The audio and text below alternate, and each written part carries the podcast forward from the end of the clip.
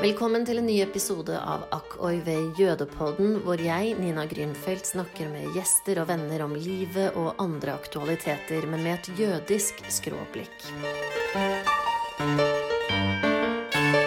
Hva er det å være en jødisk standup? André Gjerman deler tanker, ideer og erfaringer fra sitt liv som standup-komiker i Norge.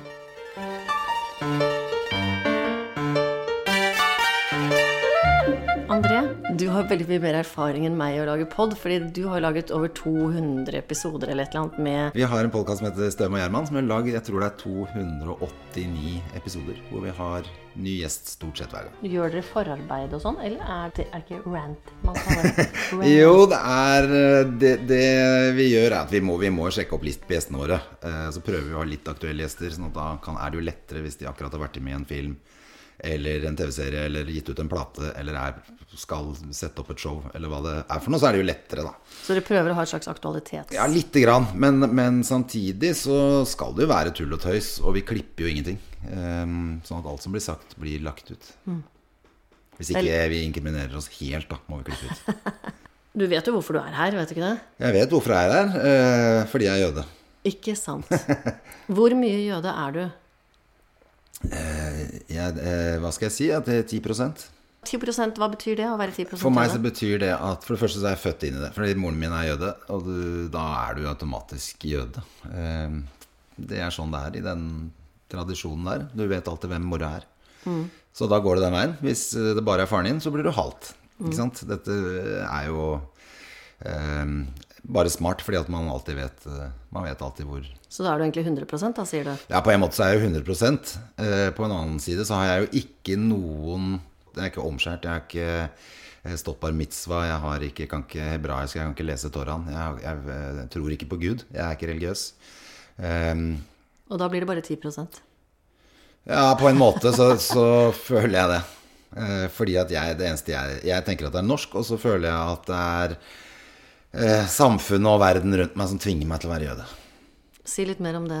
alle fordommene eh, som tyter ut hele tiden, gang på gang på gang på gang, før det gjør at du er nødt til å eh, si fra at det der stemmer ikke. Altså, jeg er jøde, men jeg er helt vanlig. Jeg er helt norsk, kommer fra Frogner og har vokst opp med akkurat de samme vennene som alle andre har gjort, liksom. Eh, og levd på akkurat samme måte. Og da er det veldig rart å bli beskyldt for at du styrer verden eller media, eller eh, at du er grisk, eller at du bare tenker på penger, eller ja. Men plager det deg at du må stå opp for dette her, eller Ja, faller det det- naturlig? Nei, det plager meg selvfølgelig det at jeg må det. Jeg skulle jo ønske at jeg slapp å måtte eh, Jeg måtte stå liksom si at sånn er det ikke. Det hadde vært deilig å slippe det. Bare eh, gå gjennom livet uten sånne bekymringer. Og så kanskje det gjør deg sterkere samtidig. Jeg vet ikke, men jeg syns jo Jeg syns jo det er rart eh, å måtte, måtte forklare eh, Måtte forklare hele tiden at det ikke er noe spesielt.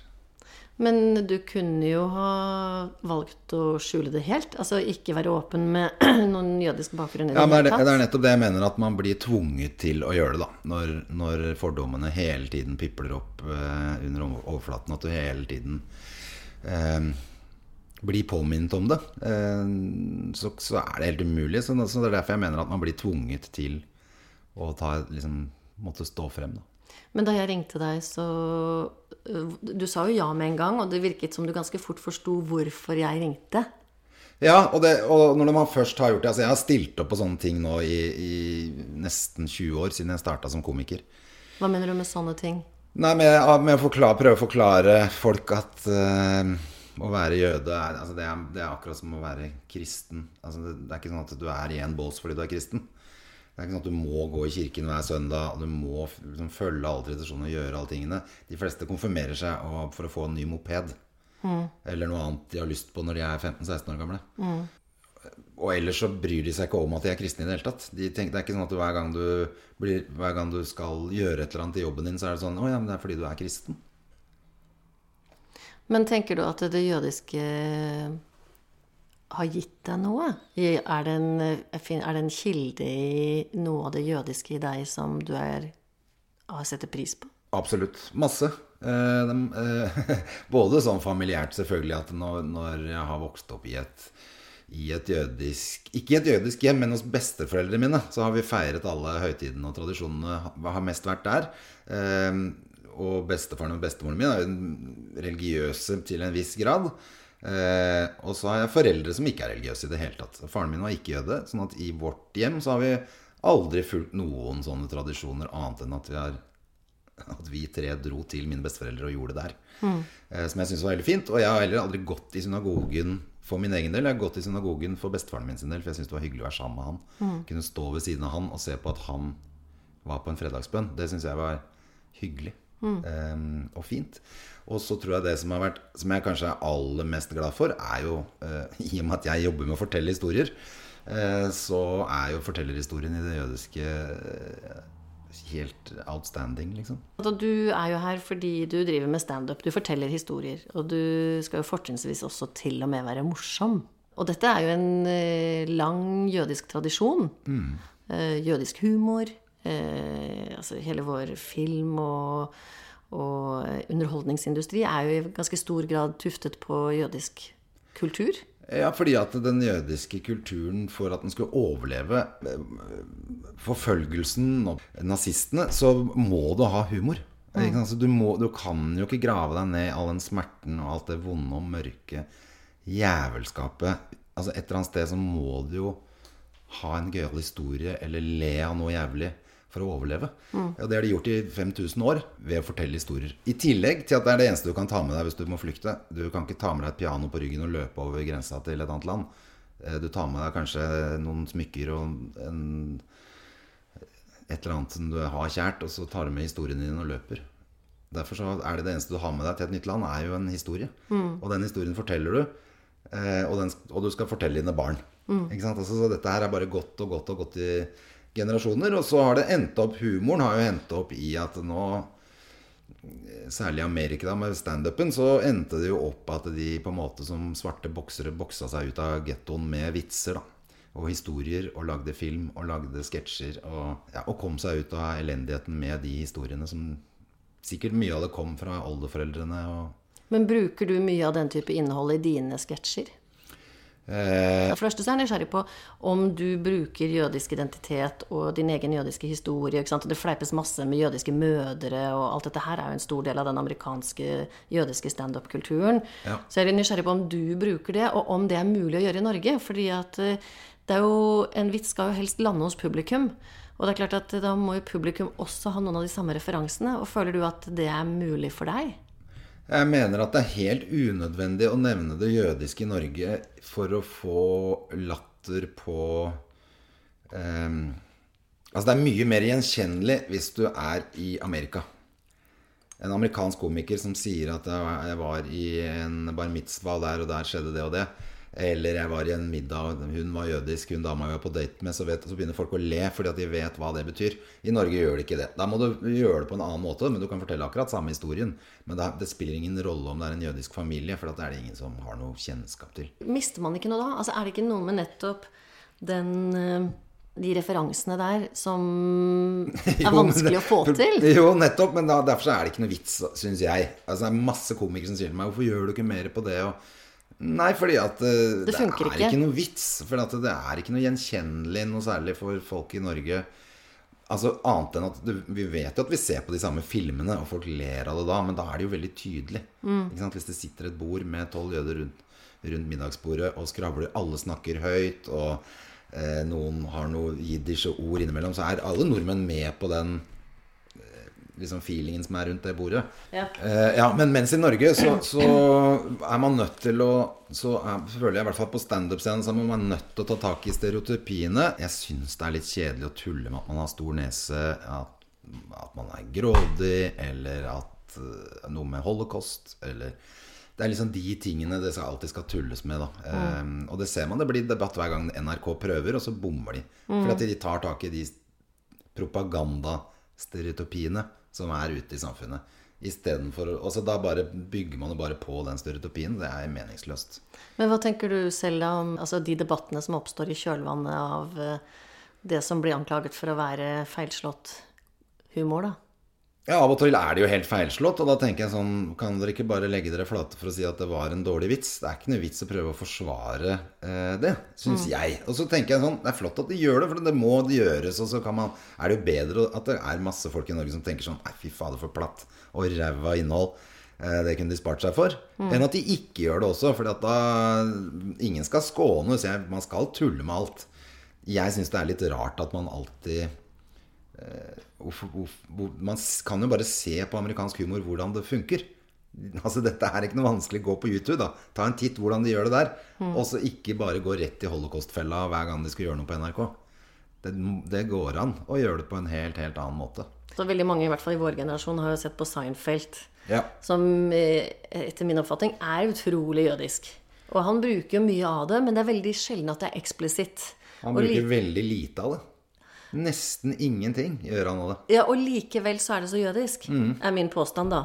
Men han trenger ikke å si det, han trenger ikke å tydeliggjøre det. Han trenger ikke å Jeg skrev en gang en sak i Minerva hvor jeg skrev at det er en av grunnene til at det er vanskeligere i Norge også, at det er ikke like gøy å tulle med at du har en mor i Sandefjord som det er å ha en mor i Florida.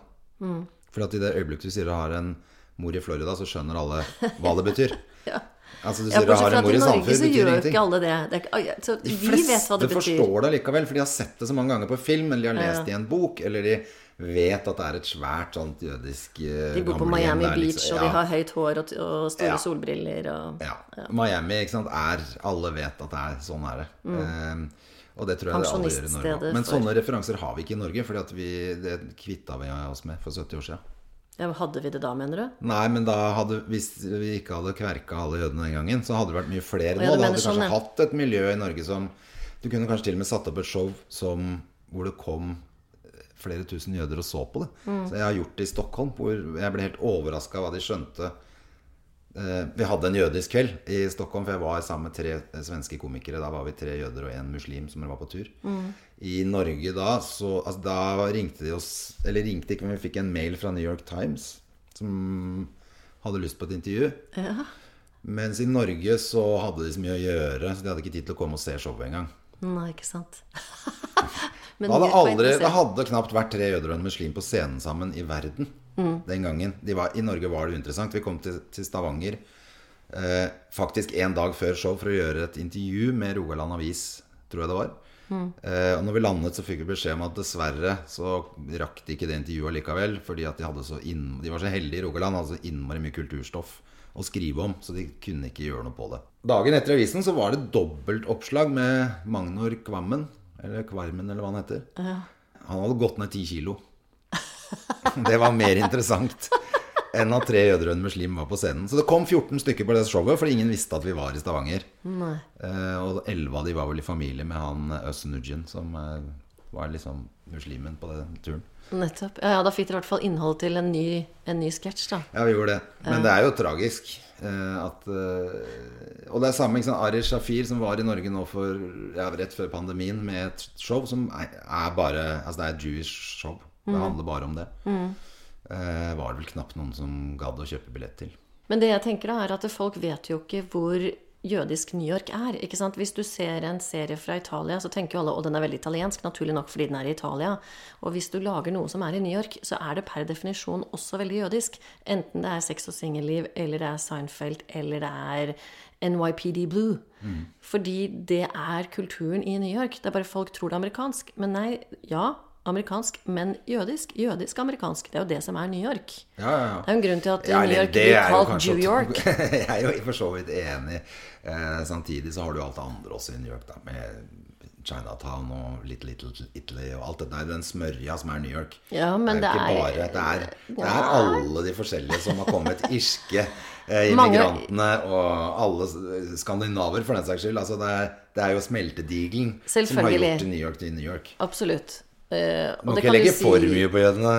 jo, jo, jo, jo. Jeg forbeholder meg retten til å si at når det kommer til New York, så tror jeg nok den jødiske innflytelsen på kulturen i New York er veldig, veldig sterk. Absolutt, og mye altså. sterkere enn jeg tror kanskje at eh, nordmenn som opplever kulturuttrykk derfra, egentlig forstår, da. Ja, det kan godt hende. Samtidig så tenker jeg at eh, den jødiske kulturen kommer jo også ut av smeltedigel, da. Fordi at de ikke har hatt noe eget land. Så har de fått tatt med seg kultur fra alle mulige forskjellige land. Og tatt med seg til New York. Ja, Men likevel også med et sterkt fokus på dashkenazi, altså det, det europeiske, det østeuropeiske, da. Ja, ja, absolutt. For det er der de fleste har kommet fra. Du sa jo innledningsvis at eh, faren din, han er jo en eh, ikke-jødisk familie. Ja, han var. Han var. Han Ja. lever ikke lenger. Han lever ikke lenger. Men eh, hvis du klarer å være litt tabloid, da. Hva er du mest? Er du hans familie, eller er du din mors familie? Nei, jeg er nok helt soleklart min mors familie fordi eh, Altså, det er masse av fattern i meg også, men, men eh, Jeg vokste på en måte ikke opp med familien Altså resten av familien til faren min. eh, Som jeg gjorde med eh, min mors familie. da Sånn at Med hennes søster og barn, og med eh, mine besteforeldre, som jeg bodde masse hos da jeg var liten, fordi både moren og faren min reiste så mye så bodde jeg De bodde rett nedi gata, sånn at jeg kunne bare tusle ned til Gabels gate og, og være hos dem. Så jeg hadde på en måte et eget rom hos besteforeldrene mine. Så jeg var masse, masse der. Jeg husker var, altså, det var en gang jeg leste i meldingsboka mi fra barneskolen. Så er det jo ikke mutter'n og fatter'n nesten som skriver under på noen ting der. Det er bestefaren min eller bestemoren min som skriver 'André kommer for sent i dag fordi vi har vært på hytta'. Eller 'André skal ikke ha gym i dag, han er litt forkjøla'. Er Alle de greiene der. Ja. så er det stort sett Robert Levin eller Solveig Levin som skriver under. Så jeg var, jeg var nok 50% der, tenker jeg, og det var kjempeflott. Jeg elsker jo besteforeldrene mine. Og altså, bestemoren min lever jo fortsatt. Jeg Er 107 år gammel. Ja, det er helt fantastisk. Ja, det er helt, helt sinnssykt. Bestefaren min døde jo for mange år siden, men han var jo like mye en farsfigur som faren min var. Altså, far, din bestefar Robert Levin var jo en institusjon i Norge. Han var professor på Musikkhøgskolen òg, var han ikke det? Ja, han var Norges første professor på, eller første rektor på Norges musikkhøgskole når den ble bygget. Nettopp. Og du, det leder meg da over til at de fleste jødiske mødre, du har jo tross alt en jødisk mor, en jiddische mamme, de vil jo gjerne at deres sønner skal bli leger eller advokater, og kanskje musiker, og da helst en, i din familie vil jeg anta en klassisk musiker. Ja da. Og så går du hen og blir rockejournalist og standup. Åssen er det blitt tatt imot, da? Jeg vil ikke kalle meg rockejournalist, altså, men jeg er i hvert fall på radio på radio, en rockekanal. Men eh, nei, altså mutter'n sier le jo mye av det at eh, når jeg var liten, så skulle jeg ikke bli journalist, eh, og jeg skulle ikke bli skuespiller. For det var det liksom foreldrene mine var. Jeg ville bli rockestjerne, det ville jeg. Og jeg gjorde mye for å bli rockestjerne. Altså sånn i form av å drikke og dope meg. Men ikke, jeg glemte å lære meg å spille gitar, bare. Så det ble ikke noe Jeg ble aldri noe god på det. Fordi at jeg skjønte ikke at man måtte øve 10-15 timer om dagen for å bli skikkelig god. Sånn at det, Og det var litt synd, for det, det har jeg tenkt masse på etterpå. Om jeg ikke hadde blitt rockestjerne, men å kunne spille et instrument ordentlig, det hadde vært fantastisk. Men de, jeg, ville, sant, jeg ville ha en blå gitar, en elgitar, eh, og spille rockeband, mens foreldrene, eller særlig mutter'n, da ville at jeg skulle spille piano. Eh, klassisk musikk. Og det hata jeg. Jeg syntes det var helt gørr. Spilte sikkert i fem år eller noe før jeg tror det var bestemoren min sa sånn Nå må dere la den gutten eh, slippe. Og han er talentløs. Ja. Han kan ikke dette her. Nei, nei, jeg hadde brukt fem år på å lære meg ballad por Adeline. Altså, jeg kunne ingenting. Ja. Eh, For jeg syntes ikke det var noe gøy. Og jeg tenkte også sånn Jeg har en av Altså Bestefaren min er en av verdens beste pianister. Hvor skal jeg gå? Hvilken Jeg skal ikke gå i fotsporene hans. Da, da, da må du bli Altså Du må bli utenomjordisk god da for å bli lagt merke til. Men er det mat i dette her til humor, da, i dine sketsjer? Veldig lite, for det er jo ingen som husker han lenger heller, annet enn vår generasjon. De yngre jeg har jo ikke noe forhold til han. Men som husker på at når vi, og kanskje de som er litt eldre enn meg også, så vokste jo opp med han på TV omtrent hver dag. Altså, Han var på NRK hele tiden og spilte og var med på alt mulig rart. I tillegg til å holde konserter selvfølgelig verden over. Så, så, så den gangen var jo det Det var sikkert en av grunnene til at jeg også hadde lyst til å bare gjøre noe helt annet. For at både bestefaren min og moren min var i media hele tiden. Så jeg vokste opp i et litt sånn kjendishjem eh, som kan være ganske slitsomt når du kommer i tenårene og sånn. Eh, og ikke har noe lyst til å være med på bilder og være i Se og Hør. Syns det var helt forferdelig. Så du trakk deg ut? Helt tilbake? ut og tenkte at jeg skal bare bli snekker. Og leve et liv hvor jeg slipper det greiene der. Men ble du snekker? Ja.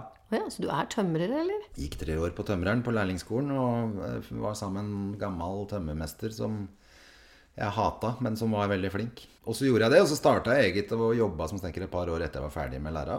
Ja. Og så skjønte jeg jo at det her jeg, Da var jeg blitt 19. 1920. Det var militæret inni der òg. Så, jeg, kanskje, ja, så kanskje jeg var et par og 20, faktisk. Så skjønte jeg at dette her er jo jævlig beinhardt eh, arbeid. Og vondt i ryggen og sånn? ja. Dette kan ikke jeg gjøre til jeg er 60 år. Jeg skal ikke bli han gamle tømmermesteren min. Det orker jeg ikke, liksom. Så da satte jeg meg på skolebenken igjen, da. Men tømrer du innimellom nå, da? Bare på hytta. Bare sånn for egen del. Altså, jeg har Forrige leiligheten min pussa jeg helt opp og sånn. Altså, så jeg kan jo noen ting. Men, men å ha det som arbeid altså, Man må bare applaudere de som gjør det, for det er beinhardt. Det er, og så er det sånn En av de tingene jeg syns Jeg bare tenkte sånn Hvorfor i alle dager har jeg valgt dette her? Jeg hater jo å stå på morgenen, og jeg skal være ute i Lommedalen sju, liksom. Det er helt jævlig. Dette her kan jeg ikke, jeg kan ikke holde på med dette her. Men bruker du dette til å lage vitser, da? Eh, jeg bruker egentlig alt fra livet mitt, altså. Men, men hvis man må forklare for mye Det er, veldig sjelden har man behov for å liksom Jeg trenger ikke å gå så innmari i dybden på ting nødvendigvis på standup-scenen, da. Når du går i gang med et, en prosess, enten det er en standup på fem minutter på Latter, eller det er et eh, show av større format, Ja. hvor begynner du? Hvordan, hvordan tenker du? Nå har jeg vært med på å skrive en del store altså sånne one man-show, særlig med Terje Sporsem. Da har han hatt tema de gangene vi har gjort det. Vi hadde første het krig. Da begynner du med ok, hva skal vi snakke om når det gjelder krig? Åpenbart andre verdenskrig, eh, ikke noe å lure på.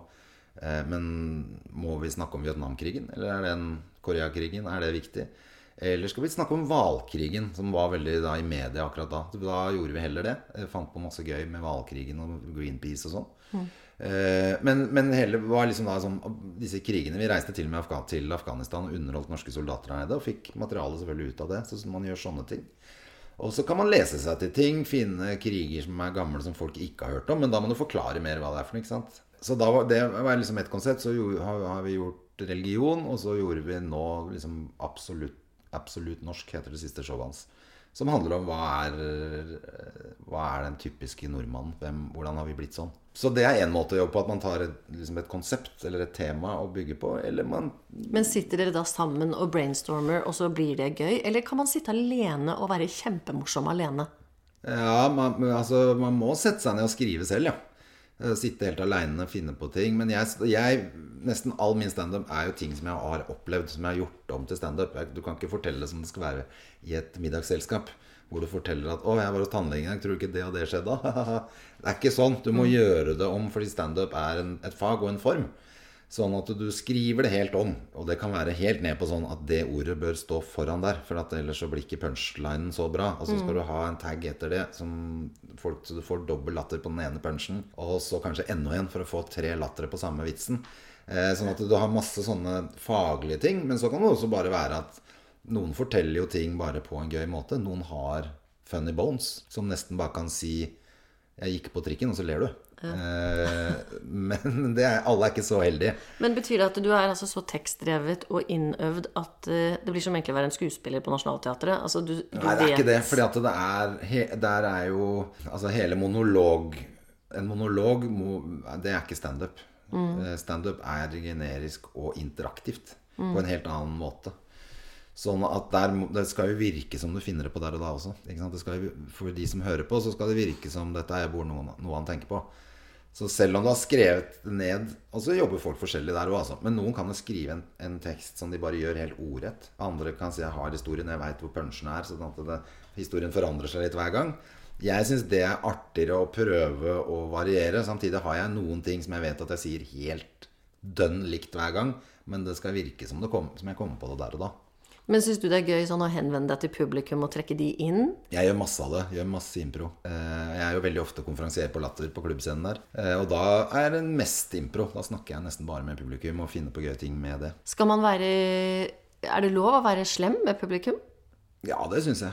Hvor slem kan man være? Altså, Jeg tror man kunne være slemmere før. Nå er det jo mye krenking eh, ute og går. Apropos, og det har jeg lyst til å prate med deg om, woke. Ja, Hva tenker du om det? det er helt forferdelig. Det bare ødelegger samfunnet. Nei, men jeg er jo en annen generasjon hvor, eh, hvor vi ikke var hårsåre i det hele tatt. Det er lett for deg å si, som ikke har så mye hår på hodet. ja, det Verdens eldste vits. Eh, men jo, men, men eh, Woke eh, Altså, jeg har, full, jeg har, full, forståelse for at vi trenger en ny form for opplysning, men man kan ikke Vi kan ikke viske ut den tiden som har vært. For å lage et bedre sted å være. Vi må kunne historien vår for å lage et bedre sted å være. Og så kan vi være enige om at en del ting ikke skal gjøres og sies, og vi trenger ikke å kle oss ut som en uh, native American. Er det det man sier nå? Mm, kanskje.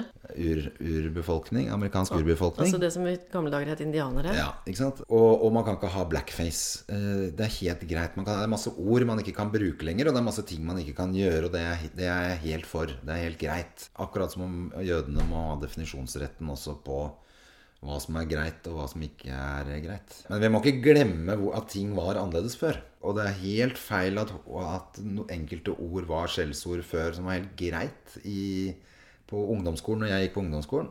Fordi vi ikke forsto at det var sårende også, ikke sant? Eh, som f.eks. Eh, pakkis eller homo. Som vi brukte Særlig homo ble jo brukt på en helt annen måte, syns jeg, da jeg forstår jo i ettertid at det var helt feil uansett. For det sikkert var noen som bare satt i et hjørne og tenkte jeg orker ikke, liksom. Eh, og det, med det forsto vi jo ikke, for vi brukte sånn Hæ, har du matpakke? Er du homo? Altså, ja.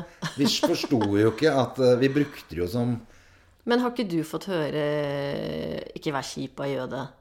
Veldig, veldig, lite, det må jeg si. Altså, jeg har vært veldig heldig.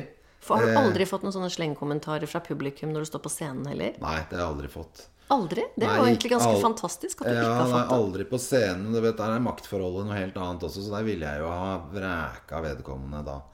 Selvfølgelig. Eh, jo, men det sitter jo ofte en full, litt sånn halvidiot i salen som er troendes til å kunne Ja, altså jeg har vært med på helt forferdelige ting, det har jeg. Men ikke, på, ikke sånn at noen har ropt ut noe sånn.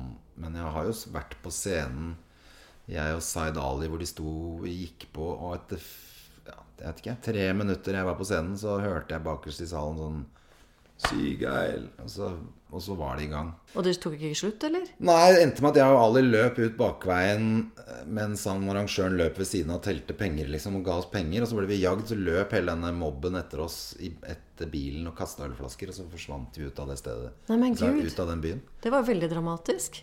Ja, ja, helt ellevilt.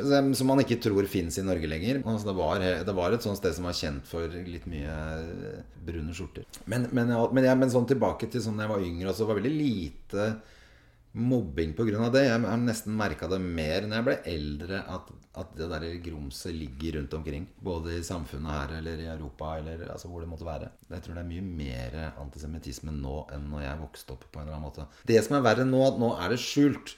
På 80-tallet så visste vi hvem de var, fordi de gikk med bombejakker og boots og var skalla, liksom. Altså, mm. Vi visste jo hvem som var nynazistene. Eh, mye lettere å vite både hvem du skal eventuelt frykte eller le av, eh, eller holde deg unna, enn de når du, når du ikke vet. Men du, altså, du, er jo da nesten, nesten den eneste jødiske standuperen vi har. Bortsett fra at vi har én til, og det er jo Sess Steinmann. Mm. Fins det en eh, en link mellom dere to? Har dere som et slags eget fellesskap?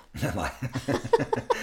har dere ikke et jødefellesskap? Nei, iallfall vi kan tulle og tøyse med noen enkelte ting av og til, liksom. Altså, eh, men vi er jo gode venner. Også, men vi har ikke jobba så veldig mye sammen. For hun er jo mer over i revyland også. Hun gjør jo standup, men hun er mye mer over i, i show- og revybransjen enn jeg er. Jeg, ok, Da snakker vi om helt forskjellige bransjer, da?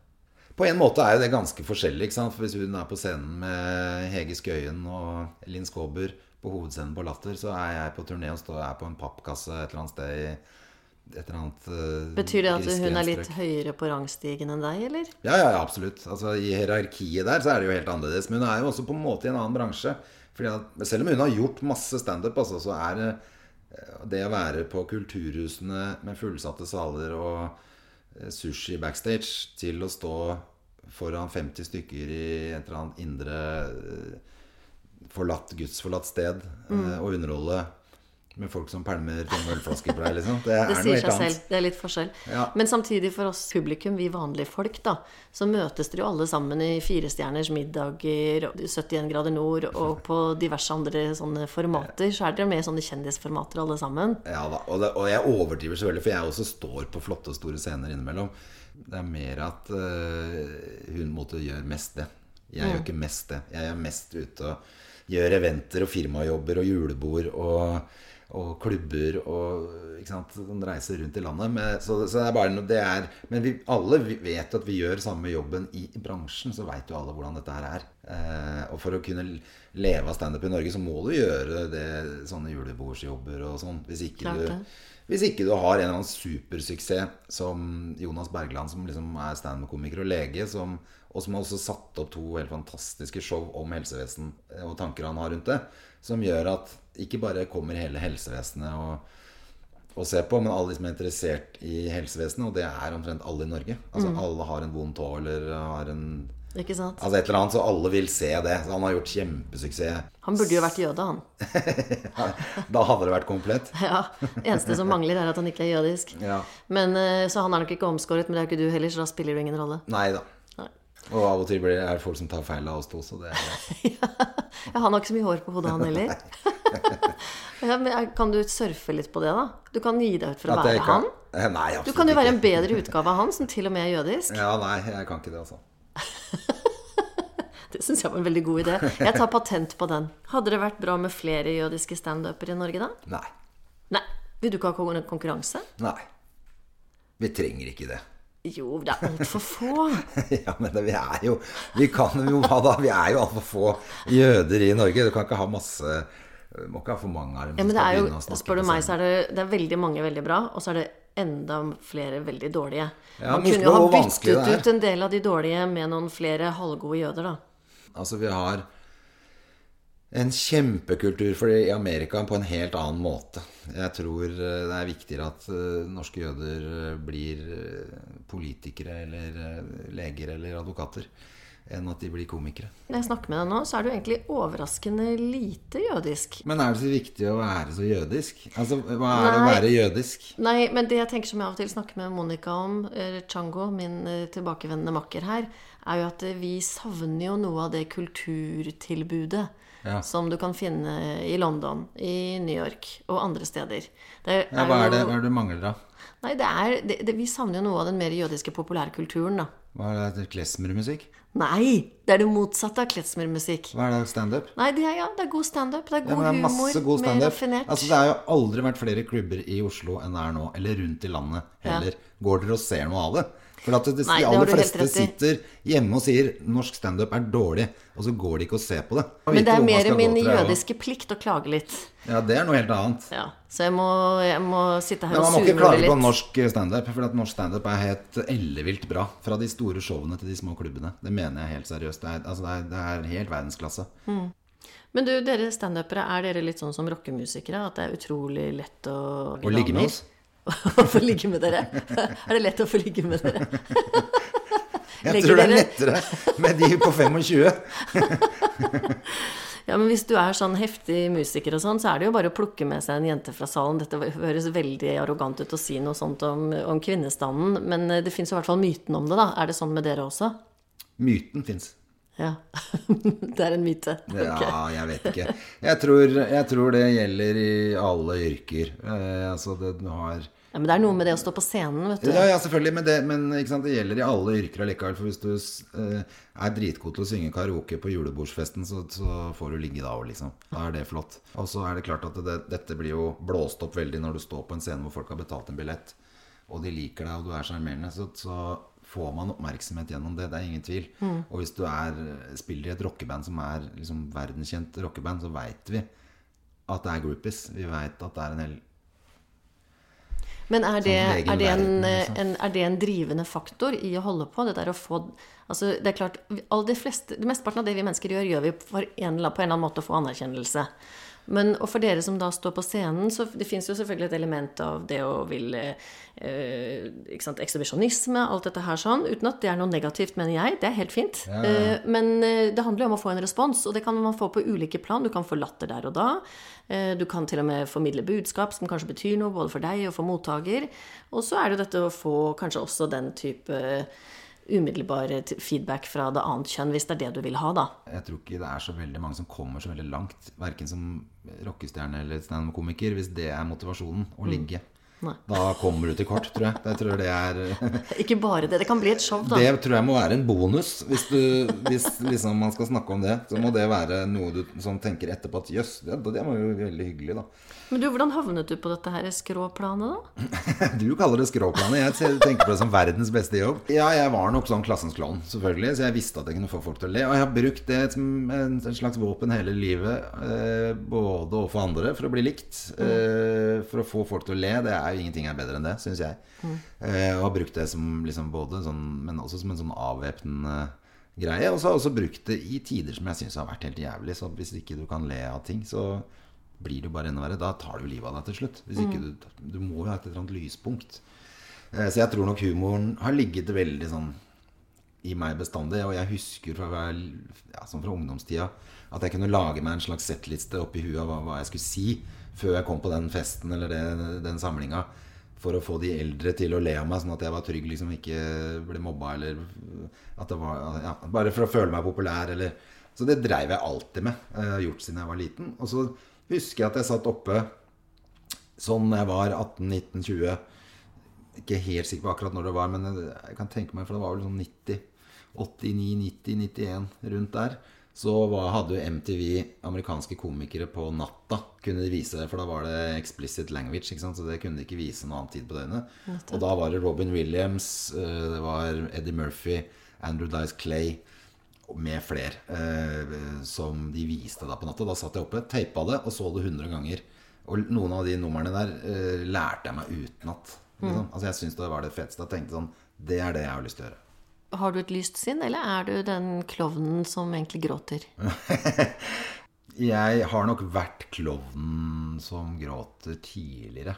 Eh, og så har jeg funnet at det, er utrolig vanskelig. Og det, jeg tenker at det også er en av grunnene til at ikke jeg er rundt på aleine på de største scenene i Norge. Fordi jeg har ikke orket den på Altså, jeg har ikke hatt det s- eh, vondt nok. Liksom. Jeg har funnet ut at jeg må ha det bra. Jeg må ha det bra. Jeg kan ikke være på, påskrudd på, på sånn humor hele tiden og by på meg sjæl hele tida. Fordi at da har jeg ikke noe liv ved siden av. Heldigvis så begynte jeg da jeg var 34 år, sånn at jeg hadde jo levd et liv før jeg begynte med standup. Veldig, de- veldig mange av de unge er det de gjør hele livet. En, altså de, fra de ja, kanskje er 21 år, så er du kun på disse klubbene rundt til du er like gammel som jeg er nå. Da. Eh, og jeg tror ikke det er noe så jævla sunt, egentlig. Hvor lenge kan du holde på, da? Er det ikke en ungdomsbransje, egentlig? Ikke hvis du spør Don Rickles. Han var vel 3-84 år, når han, eller enda mer, når han gjorde siste showet sitt i Las Vegas. Men i Norge, er det, er det Ja, mulig? altså, Jo- Johnny Christiansen blir 70 år nå. Ja, men han Det er ikke mange, mange, mange som er så gamle som han, da. Nei, men nå jeg vet ikke, men ja, De må jo nærme seg 60 snart. Jon Skau og Mo- Hans Morten Hansen. Og De nærmer seg 60, de som starta opp den gangen. Jeg bare tenker at det fins litt sånn parallell til min egen filmbransje. Ja. Som jo på mange måter også er en, sant, en uregulert bransje, og hvor de, veldig mange faller av underveis. da Innenfor nesten alle faggrupper. Ja, ja, men jeg tror ikke i standup så er det bare deg selv. Altså Det er bare hvor lenge du har lyst, og hvor lenge du gidder å holde oppdatert og gid, altså gidder. Men samtidig så er det jo litt eh, Altså Du får ikke noe bedre kick enn å være på scenen og få folk til å le. Sånn at jeg tror hvis man først har gjort det lenge Og du må huske på at standup er ganske Det er fortsatt ungt i Norge. Begynte i 94. Er det noen grenser for hvor sent man kan begynne? Det er et nerdefag. Du skal sitte og skrive. Skal du stikke ut og teste det. Altså skal du, eh, Hvis ikke det funker, skal du gjøre, teste det på nytt. Og skal du holde på. Så jeg tror jo det lønner seg å begynne når man er ung. For at du må henge ute. Jeg husker når jeg begynte, så var jeg ute hver eneste kveld. Og testa materialet. Dro på klubb. Testa der, så dro jeg dagen etter på et annet sted, og så blir det øl, og så blir du sittende oppe, og så skal du bli kjent med miljøet. Så, du, Så blir du alkoholiker. så-. Ja, mange blir jo det. Mange blir narkomane, mange blir alkoholikere, og mange lever jo et vampyrliv hvor du sover til fire på dagen, og så stikker du på klubben, gjør settet ditt. Eh, og så sitter du etterpå og diskuterer og skriver og, så, og drikker deg full. Så drar du hjem, sover, står opp klokka fire. Og Men du så har er jo en datter repeat. på ni år som du kanskje har sånn type annenhver uke eller noe sånt, eller? Du, hva, hva gjør du da, de ukene du har i hendene? Nei, altså, så jeg har jo slutta å holde på sånn, men i starten, de første ti årene, så var det jo sånn. For å, og, så, og så etter hun ble født, så skjønte jeg at dette går jo ikke Jeg kan ikke leve sånn. Ja, men man kan ikke, men man, når man skal starte med standup, så tror jeg man må være ute på klubbene hver eneste kveld. Eh, og der er de jo heldige i New York, for de kan dra på tre, fire, fem klubber hver kveld. Ja, det er er sant. klart de blir gode. Det ser du, det er bedre i New York. Ja, altså For standup-komikere er det ingen tvil. Hva tenker du selv da, André, nå når du blir Hvor gammel er du? Jeg er 52. Så du har levd sannsynligvis Ja ja, med mindre du slekter på mormora di, så har du levd mer enn halve livet ditt. Jeg har jo jeg har, Nei, jeg, en tredjedel. Altså Hvis hun blir 107, så må jo jeg klare å bli 130. Ja ja, da er du fremdeles over en tredjedel, da. Ja da. Blir du mer jødisk jo eldre du blir? Nei. Du kvalifiserer ikke til å være med på dette programmet her engang, du. Jo da. Jeg, det er akkurat det jeg gjør. Det er mye viktigere å ha med sånne folk som meg enn noen som sitter og graver seg ned i koshermat og, Og klager. og klager. Fordi at eh, det er jo akkurat det. Jødene er jo også eh, helt masse forskjellige Ja, men typer har du jøder. ingen smerte, liksom? Har du ingen uh, Akk oi vei? Nei. Veldig lite av det, faktisk. Jeg har masse andre problemer. Men, jeg, men, men det er også en ting som jeg har jobba masse med å prøve å være mye mer positiv. Enn jeg, for jeg tror jeg har gått veldig mye rundt og Positive jøder fins ikke. Jo, det gjør det. Eh, Du er ikke så glad i å generalisere, generalisere, de positive jødene de sier bare at eh, jo da, det kan bli mye verre enn det er nå. Kan bli mye, mye verre. Jeg er ikke noe glad i å generalisere i det hele tatt. Veldig sjelden. Jeg syns det er helt forferdelig å bli, både bli satt i bås og, og sette folk i bås. Ja, men er ikke det humor handler om, da? Handler ikke det om en punchline på en enkel Nei, ikke i det hele tatt. Det, det høres veldig gammeldags ut for meg, i hvert fall. Ja, men humor Det er jo samme som å si at kvinner er sånn, og menn er sånn. Jo, men det er ikke det som er humor, da. At du setter ting på spissen, og så snur du på det, og så setter du det på spissen på en annen måte. Ja, jeg skjønner hva du mener når du sier det, men jeg er ikke enig. Ok. Fordi at da må man samtidig si at kvinner er sånn, og menn er sånn, homoseksuelle er sånn, jøder er sånn, og svarte er sånn. Mm. Ja, og, mora sånn mi er det sånn, og jeg er sånn, Ja, og du er sånn. Men det er jo ikke sånn. Nei, Pluss men at- i ah, fordi- humor. Nei, men i humor så er det heller ikke sånn. Okay. For da hadde det ikke blitt noe gøy. Da hadde vi jo bare hatt tolv vitser som alle måtte si om og om igjen, da. Ja, jeg bare tenker at det, i hvert fall sånn den derre slapstick-humoren, da, som jo mye standup tross alt er, med litt sånne kjappe poenger. Ja, Bortsett fra at slapstick er noe helt annet, da. Ok, hva er det da? Det er sånn når du ramler rundt. Og... Sånn bananskallhumor, det. Ja, ja. Ok. Det er du som eh, Jeg er på ditt fagområde her. Ja, nei, så det er noe helt annet. Men, men, eh, men jeg forstår hva du mener. For at man må ta, man må ta noe alle på en måte kjenner seg igjen i.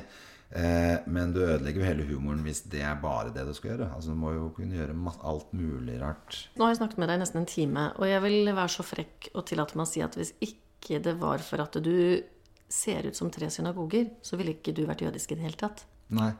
For du ser faktisk litt jødisk ut, tro, tenker jeg. Er det provoserende når jeg sier det? Nei, ikke i det hele tatt. For hvis du ser på et bilde av meg før, når jeg hadde hår, så er jeg klin lik Seinfeld. Eh, altså, jeg har ingen problemer. Og jeg vet jo at jeg ligner på moren min. Og når jeg ser moren min nå, så tenker jeg jo umiddelbart jødisk gammel dame, liksom. Eh, sånn at jeg syns jo det er gøy. Eh, men, men, nei, men det er det, og det er veldig rart å måtte drive og forsvare det gjennom hele livet. At man ikke er religiøs og ikke har noe behov for å, for å Men er det politisk ukorrekt å snakke om jødiske utseender? Altså når jeg sier at du Ja, det, på en måte. Fordi jeg syns jo jeg har truffet jøder over hele verden som jeg tenker Å, jøss. Altså, jeg kjenner svarte jøder. Jeg kjenner eh, muslimske jøder. Altså, eller arabisk eh, jøde fra altså, Men jeg tenker at det er litt Så det er jo ikke at- like heller. Det er, det, det er jo det som er all denne propagandaen, alle fordommene som er, er jo at det er det derre veldig typiske bildet av en jøde med svær nese, liksom. Eh, Men nå er du litt woke, da, vil jeg si. Ikke sant? Altså, for å skru det litt til, da. Ja. Så er vi jo selvfølgelig helt Jeg er helt enig med deg. Det er jo det som var fundamentet for bl.a. Eh, nazismens antisemittisme. Med karikaturtegninger osv. Videre.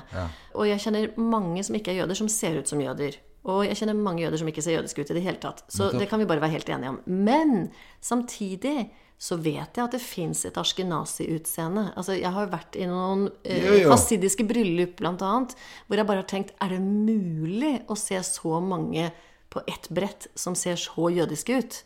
Og du har jo noen trekk som, som også Ja, ja, for Ja, jeg kommer jo fra en sånn askenazi-jødefamilie, sånn at det er ikke så veldig rart. Men er det noe du kan spille på? Er det noe du har et Ja, forhold jeg, har, til? jeg har gjort det tidligere. Eh, Jeg, jeg gjør det ikke noe særlig humor nå. Nettopp fordi at jeg ikke Jeg syns ikke det er så relevant for Jeg tror jo Hvis jeg hadde gjort standup i Amerika, så ville folk sett det med en gang. De ville visst det. Men de ville ikke brydd seg så mye om det, men de ville visst det. Jeg kunne lagt inn små ting som kunne vært artig. I Norge så må jeg forklare for mye. Hva gjør du når folk ikke ler? Nei, det, det syns jo alle er vondt, det. Men man venner seg til det. Nå har jeg gjort dette her i 17, snart 18 år. Sånn at det er klart man har stått mange ganger på scenen og bomba, som det heter. Det blir nesten som å spille en fotballkamp, og så bommer du på mål. Ok, altså, du, kan jo ikke legge deg ned og begynne å grine. Du må jo bare fortsette kampen. Men det må jo være ganske sånn smertefullt når du står der. Alle vet at her tester vi ut materialet. Mm. så når man er med på at ok, det funker ikke, da Det er ikke så farlig. Det er gøy allikevel.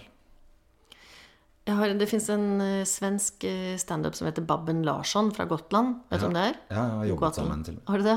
Hun har en veldig fin uh, Den her tror jeg var på 80-tallet eller noe sånt. Altså en fin liten vits hvor hun snakker om telefonsex.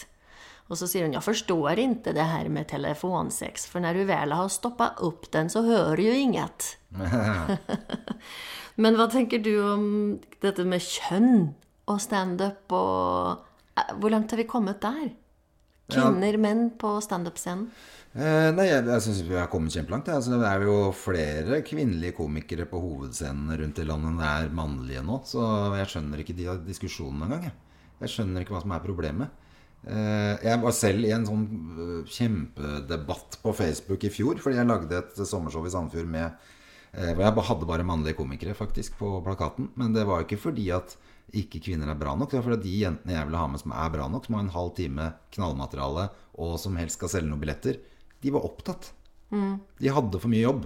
Men, så de så de som er, de er kjempegode, men de andre, da fins ikke underskogen, da, eller? Jo, jo, men altså, det er klart jeg har hørt med Si at jeg hadde hørt med sju-åtte av de komikerne Og det, må huske på at det er masse, masse kvinnelige komikere som ikke gjør standup. Altså, jeg kan ikke ha med eh, nødvendigvis eh, Henriette Stenstrup. Altså, jeg ser på henne som en komiker, men hun gjør ikke standup. Eh, et, et eksempel eller Linn Skåber. Eh, Sånn at det er mange som forsvinner ut. Du skal ha standup-komikere som da kan gjøre en halv time tight materiale bra, mm. og som selger billetter. Det, det, hvis du da har hørt med sju stykker, så er det ikke så mange igjen som, som er inni der. Men det er det ikke med menn heller. Nei. Ikke sant? Altså, da jeg var der på Hangover sist søndag, så var det bare én jente, og det var min student. ja. Ellers så var det fem-seks gutter, kanskje. ja, men det er mye flere gutter som holder på. Det er det. Men, men det er masse av de gutta der som ikke kan gjøre en halv time bra, og som selger billetter også. Ja, de, noen av de sto sånn og tråkket litt vann og sleit litt etter Ja, fem ja, minutter. masse- og og så på klokka. Må jeg, kan, må jeg fortsette nå? Ja, ja, og det er et dødsvanskelig fag. Eh, ikke sant? Det, er, det tar lang tid. Det er jo ikke sånn at du Å, nei, nå har jeg begynt i eh, jeg har begynt på tannlegestudiene. Da er du klar til å begynne å fylle tenner, liksom. Nei, du skal bruke de først de sju årene på skole. Og det gjør vi også. Vi bruker de første sju årene bare på å finne ut hvem vi er i dette landskapet. Eh, så folk tror jo at du bare kan gå opp på scenen og være morsom. Det er, altså, det er jo ikke sånn. Ok, Så da kommer det store, store spørsmålet. Ja. Hvorfor gjør du dette? Hvorfor jeg driver med standup? Eh, nei, det, det, eh, det er flere ting som gjør det. Så når jeg gjorde det første gang, tenkte jeg skal gjøre det en gang, sånn at jeg har gjort det. Så når jeg sto der, gikk av scenen og tenkte bare Holy shit, dette var gøy. Så hadde jeg egentlig ikke tenkt å gjøre noe mer. For jeg, det var, da hadde jeg egentlig en annen jobb, jobba som journalist.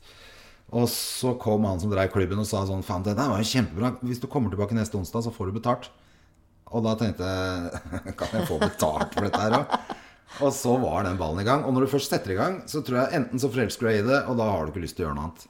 Eller så syns du det er jævlig. Enten du får angst eller sceneskrekk, eller du syns det er vanskelig å skrive nytt materiale, eller Men hva er det som gjør at du forelsker deg i det? Hva er det? What Det makes you helt tick? ja, men det er det, det er det mest Det er det råeste kicket som fins, er å gå på scenen og få folk til å le. Altså Ingenting er bedre enn det. Og jeg har brukt hele livet mitt på å få folk til å le, så for meg å få betalt for det, å gå på scenen og gjøre det, er Det er ingenting som er bedre. Jeg har ikke lyst til å gjøre noe annet. Nei. Eh, og jeg tror det er helt umulig å gjøre noe annet. Hvis man er det man vil, så er det vanskelig å, å bare gå og få seg en annen jobb og gjøre noe annet. Eh, og så er det en livsstil etter hvert. Nå har jeg gjort det så lenge at jeg henger med komikere og er liksom ja, Komikerne er mitt miljø og mitt eh, domene. Sånn at eh, Det er din gjeng. Det er min gjeng og min flokk og min tribe. Ja. Mer enn jødene. Ja, mye mer enn jødene. Jeg kjenner jo knapt noen jøder i Norge. Nå kjenner du meg, da. Ja. Og jeg er jo ikke helt Og du er jo ikke jøde engang. Du er knapt halvt jøde. Knapt halvt jøde. Det skal jeg ha meg frabedt. Ja, moren din er jo ikke jøde. Ja, men nå sa jo du i sted at hvis du var mor, så var det 100% og var du far, var det 50 Ja. Og så sier du plutselig at jeg er knapt jøde engang. Ja, men Faren din var jo ikke religiøs, han heller. Nei, men han var i hvert fall jøde. Men hva er det å være jøde? Er det å være religiøs? Ja, det- Eller er det å være eh, kulturelt eh, noen... opptatt av det? Eller er det i blodet? Eller hva er det, liksom? Nei, men det er Jeg- ikke noe enkelt Det må jo du være den første til å kunne si at det er ikke noe enkelt svar på. Og, Jeg men, mener at det er alt det. Alt, det er akkurat det som er interessant, er at det er jøder i alle Altså, det er ikke én type jøder. Det er en haug av forskjellige jøder. Akkurat som det er i alle andre religioner.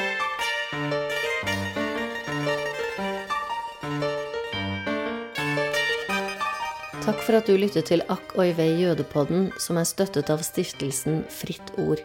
Musikken du hørte, er laget av Jens Wendelboe.